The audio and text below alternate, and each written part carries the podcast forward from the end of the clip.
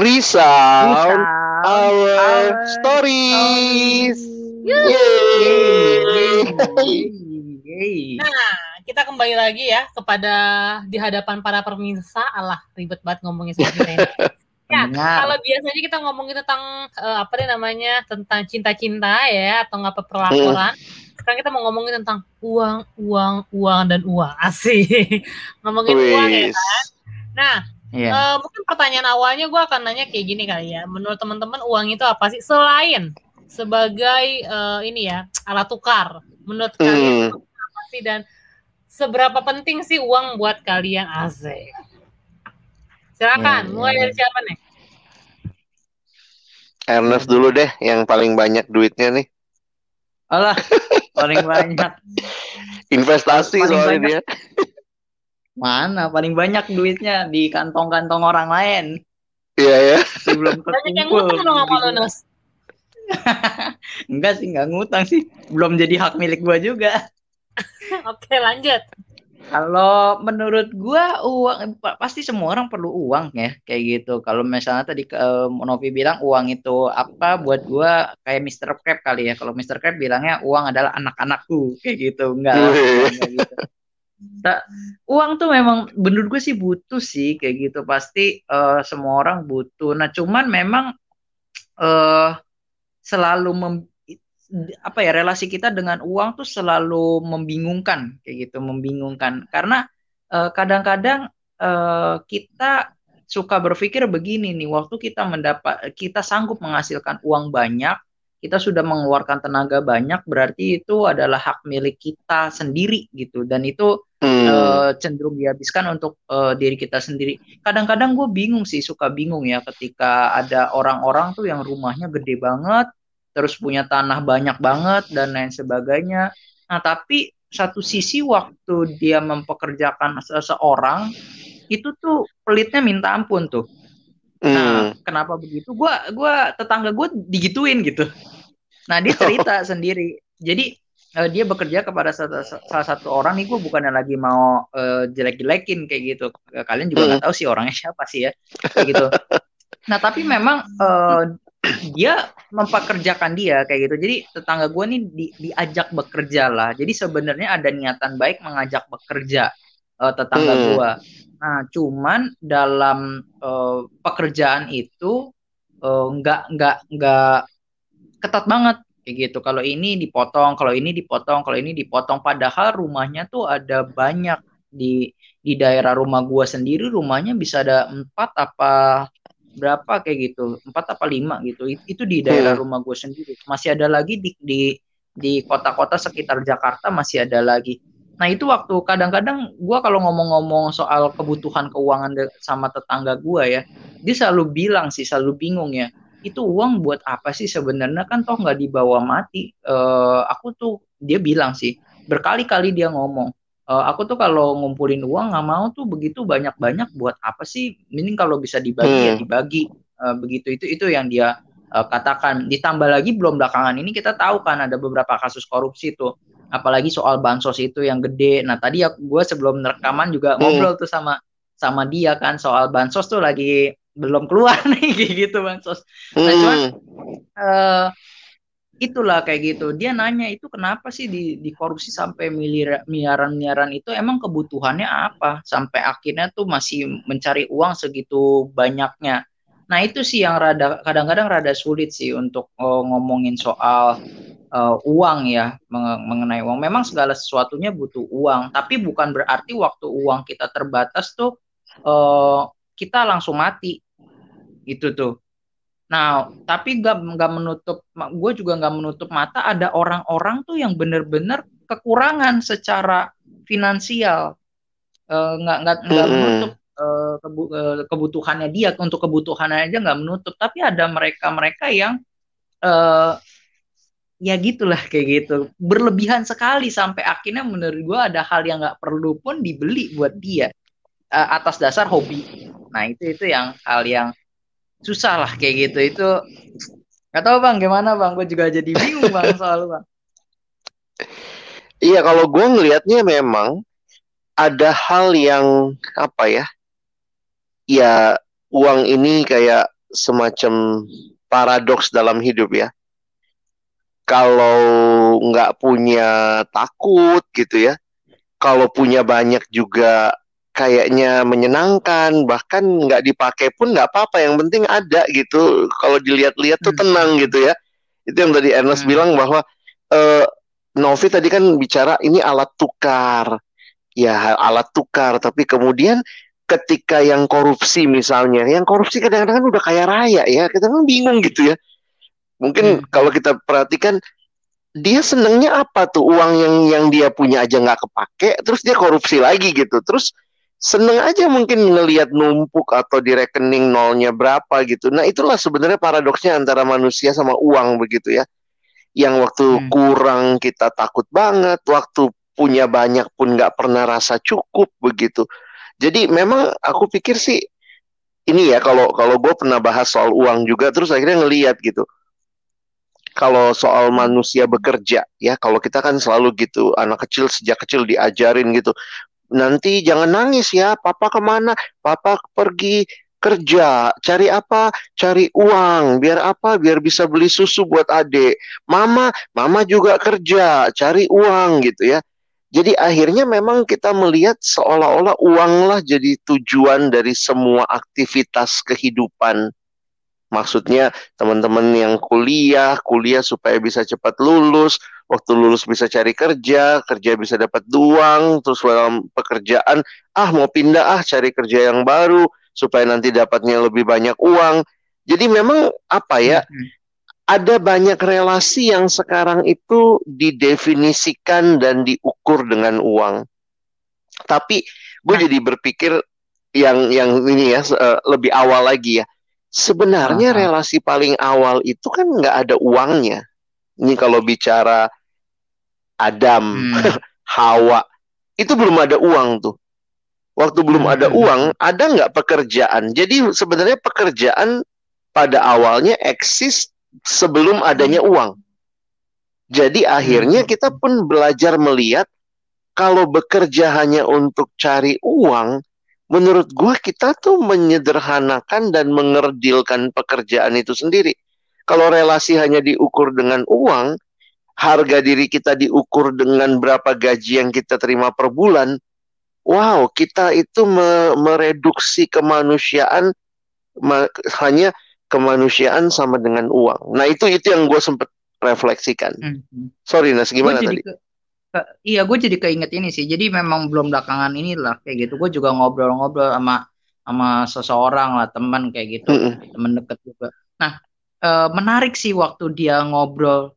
Dia bilang kayak gini, gue sih eh, memang kayaknya dianugerahi kayak gitu atau atau sepertinya buat gua untuk cari uang tuh dia ngomong tuh, buat gua untuk cari uang tuh bukan hal yang sulit. Karena memang ada beberapa orang kan yang memang tuh eh, sulit untuk mencari uang kayak gitu. Kayaknya uang tuh eh, masuk ke dia nggak nggak terlalu cepet lah. Nah tapi ada orang-orang Hmm. tuh yang masuk uangnya tuh entah dia lihai lah, entah memang dia eh, mampu melakukan mengelola uang dengan baik, akhirnya eh, dia gampang dapat uang dan lain sebagainya. Nah dia bilang kayak gitu. Eh, buat gue sih eh, untuk nyari uang nggak terlalu sulit kayak gitu. Nah cuman yang menarik adalah dia dia katakan eh, ternyata dia punya sebuah visi yang besar. Nah itu Hmm. yang waktu dia ceritain, wah luar biasa banget. Dia belum lama setelah lulus kayak gitu, apa yang dia lakukan, dia dia dan berdasarkan visinya dia tuh ingin membangun daerah. Dia ingin membangun daerah dan akhirnya dia memberanikan diri pakai uang itu untuk membeli daerah itu dulu. Beberapa luas tanah lah. Yang sampai sekarang gua nggak tahu dia bilang gitu. Gua nggak tahu gua mau pakai buat apa itu tanah. Tapi yang jelas tanah itu buat gua dan eh, itu tuh rencana gua akan dipakai buat pelayanan. Tapi gue belum tahu pelayanannya apa. Hmm. Mungkin nanti kayak gitu ke depan eh, berapa puluh tahun lagi baru bisa dipakai dan lain sebagainya. Karena sekarang gue masih belum tahu nih jalannya ke mana. Gue harus melakukan eh, apa, harus kontak siapa untuk akhirnya bisa pelayanan ke situ dan lain sebagainya. Akhirnya yang dia lakukan sekarang adalah mengumpulkan uang untuk menggenapi visinya yang lebih besar itu.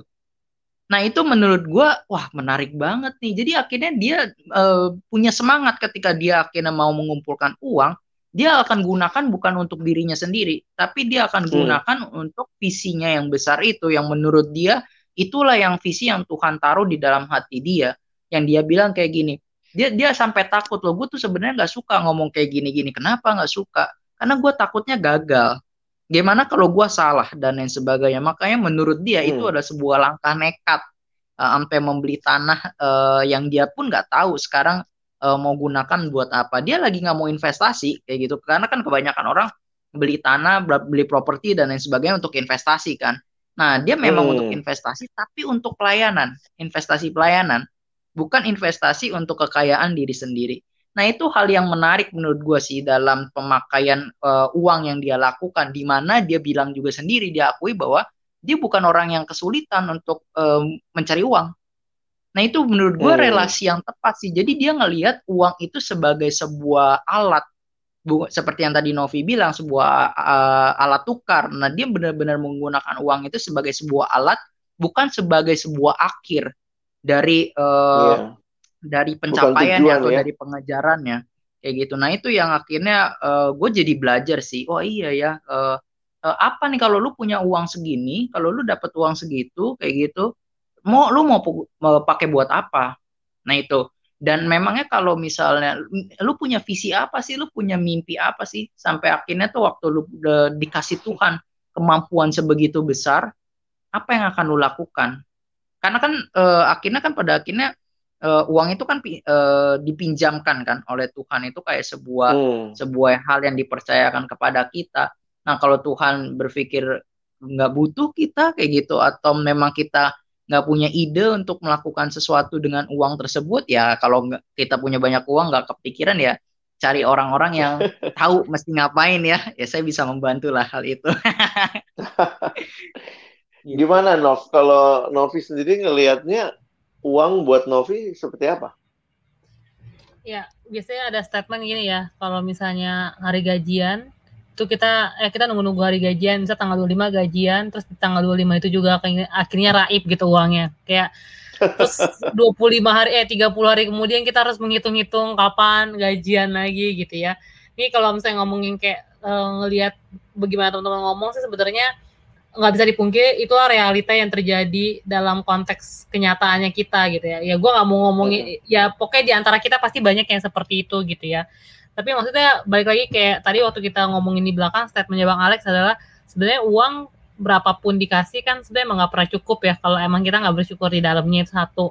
Hmm. terus kalau kita juga emang nggak pernah tahu mau uangnya mau dipakai buat apa. Jadi kalau misalnya nggak ada apa namanya pos-posnya sendiri ya akhirnya jadi nggak tahu juga mau dipakai buat apa nah tapi uh, lebih dari itu semua adalah uang adalah titipan sih sebenarnya nah kalau misalnya gue lihat akhirnya uh, makin ke sini tuh gue makin belajar untuk ini sih kita jangan lupa statement tentang kita yang harus mengelola uang bukan uang yang mengelola kita gitu maksudnya. Hmm, betul. Karena akhirnya gue melihat gini loh, kalau misalnya uang yang akhirnya mengelola kita, jadi kita tuh nggak tahu kapan uang ini harus dikeluarin, kapan uang ini harus dikip dulu gitu. Kalau ngomongin tentang uang ya, karena tuh apalagi generasi kita zaman muda sekarang ya ngelihat temen begini kayak mau ikutan, uh, temen begini pingin ikutan, uh, sanggup nggak sanggup sanggupin intinya seperti itu sih. Jadi kita jadi kayak nggak mikir berkali-kali, padahal kita jangan sampai lupa kalau sebenarnya uang Tuhan ngasih kita uang ya buat kita pakai uh, bukan untuk dibuang-buang gitu aja sih ngerti ya maksud gue maksudnya kayak bukan mm. untuk yang berlalu gitu aja tanpa manfaatnya gitu tapi sebenarnya lebih dari itu kan sebenarnya Tuhan ngasih kita uang juga untuk ada manfaatnya baik untuk kerajaan Tuhan dan untuk kita sendiri gitu yeah. untuk hidup tapi jadi jangan kayak lu punya uang untuk bersaing sih itu itu aja sih akhirnya yang gue mm. bisa lihat Aku sih mendorong juga teman-teman yang dengar uh, podcast kita hari ini ya, kan bisa dengar di Instagram juga. Coba tulisin juga kali ya, apa hmm. uang buat kalian dan kalau kalian dikasih uang sama Tuhan, yang sebenarnya ada titipan kalian mau ngapain gitu, supaya kita bisa saling berbagi ide juga gitu. Tapi ada satu hal yang menarik yang gue juga uh, lihat jadi inisiatif dari beberapa alumni uh, kita lagi jalanin sih ini ya, lagi mau coba di sharingkan. Kita kepikirnya gini, uh, dengan uang yang kita punya, kita ingin nyekolahin, hmm. atau mungkin lebih jelas lagi mengkuliahkan uh, orang lain atau anak orang gitu ya, dan uh, itu komitmennya sebenarnya tinggi juga gitu ya uh, kalau Tuhan kasih umur panjang, misalnya setiap orang tuh punya kerinduan menyekolahkan misalnya 10 anak gitu. Jadi poinnya adalah uh, banyak anak-anak yang mungkin punya kemampuan tapi tidak punya kesanggupan biaya, maka ketika ada inisiatif dari beberapa orang, kemudian kita kumpul duit bareng-bareng dan kemudian ini jadi sesuatu yang nantinya akan uh, bisa jadi berkat gitu. Jadi makanya kalau aku lihat ya uh, harga apa nilai dari uang itu. Nah ini filosofi yang gue pegang dalam hidup sebenarnya ya nilai dari uang itu bukan ketika kita menyimpannya. Hmm. Memang sih kita seneng ya waktu duit itu banyak ya. Kayaknya tenang, aman. Tapi nilai uang itu justru ketika kita memakainya untuk kemuliaan Tuhan, untuk memberkati orang lain, untuk membangun kerajaan Allah. Jadi akhirnya bukan seberapa banyak uang yang kita miliki. Karena ada juga orang yang berapapun selalu ngerasa miskin, nggak cukup, miskin, nggak cukup gitu ya. Dan memang mungkin dalam kemiskinan, dalam terbatasnya uang yang dia terima, tapi kalau dia bisa pakai dengan baik dan juga jadi berkat buat orang lain, bagi gue justru itu sesuatu gitu ya. Kalau kita lihat di dalam Alkitab misalnya, persembahan janda miskin itu dilihat bukan dari banyaknya, tapi dengan ketulusan hati mau berbaginya gitu ya untuk membangun kerajaan Allah, dia mau mempersembahkan apa yang cuman itu yang dia punya.